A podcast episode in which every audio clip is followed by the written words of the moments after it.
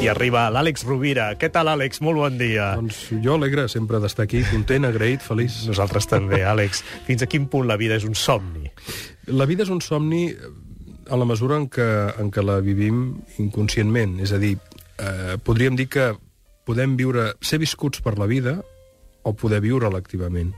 Poder ser, podem ser somiats per la vida o podem somiar-la nosaltres. Um, a mi em fascina el, el pensament d'Eric Berne i el concepte dels guions de vida que aquest eh, gran terapeuta va desenvolupar ja fa molts anys i que té plena vigència i que, evidentment, en fan bon ús els, els bons especialistes que hi ha en anàlisi transaccional. No?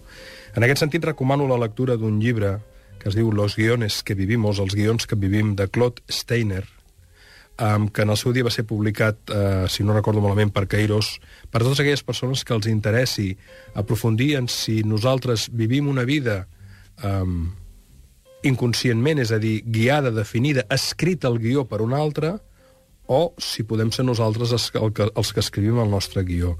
Jo en aquest sentit faria un apunt molt, molt breu pel bloc de notes d'avui.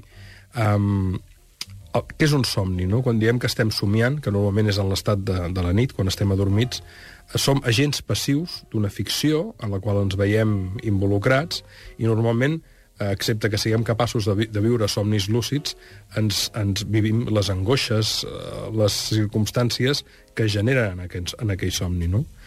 En canvi, aquells que saben o que hem tingut la pràctica de viure el somni lúcid, sabem que fins i tot podem jugar amb ell, gestionar-lo, modificar-lo, uh, creativament.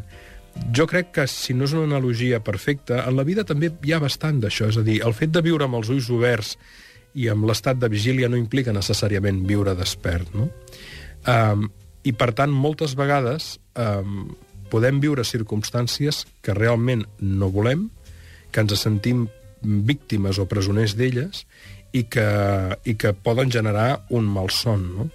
La vida deixa de ser un somni que ens gestiona quan som nosaltres el que, a base d'un treball, a base d'obrir els ulls, a base de veure les nostres falses creences, els nostres condicionaments, les nostres pors, les nostres ràbies, les nostres culpes, a base d'establir una consciència emocional, una consciència corporal, una consciència mental a partir de la pràctica del psicoanàlisi o de la teràpia o de la meditació, ens anem alliberant d'aquestes cadenes i aleshores creem nosaltres el nostre somni de vida. Bloc de notes d'Àlex Rovira, com cada setmana a l'Ofici de Viure. Àlex, moltes gràcies. Un plaer. Que molt bona Una setmana. Fins diumenge. Gràcies.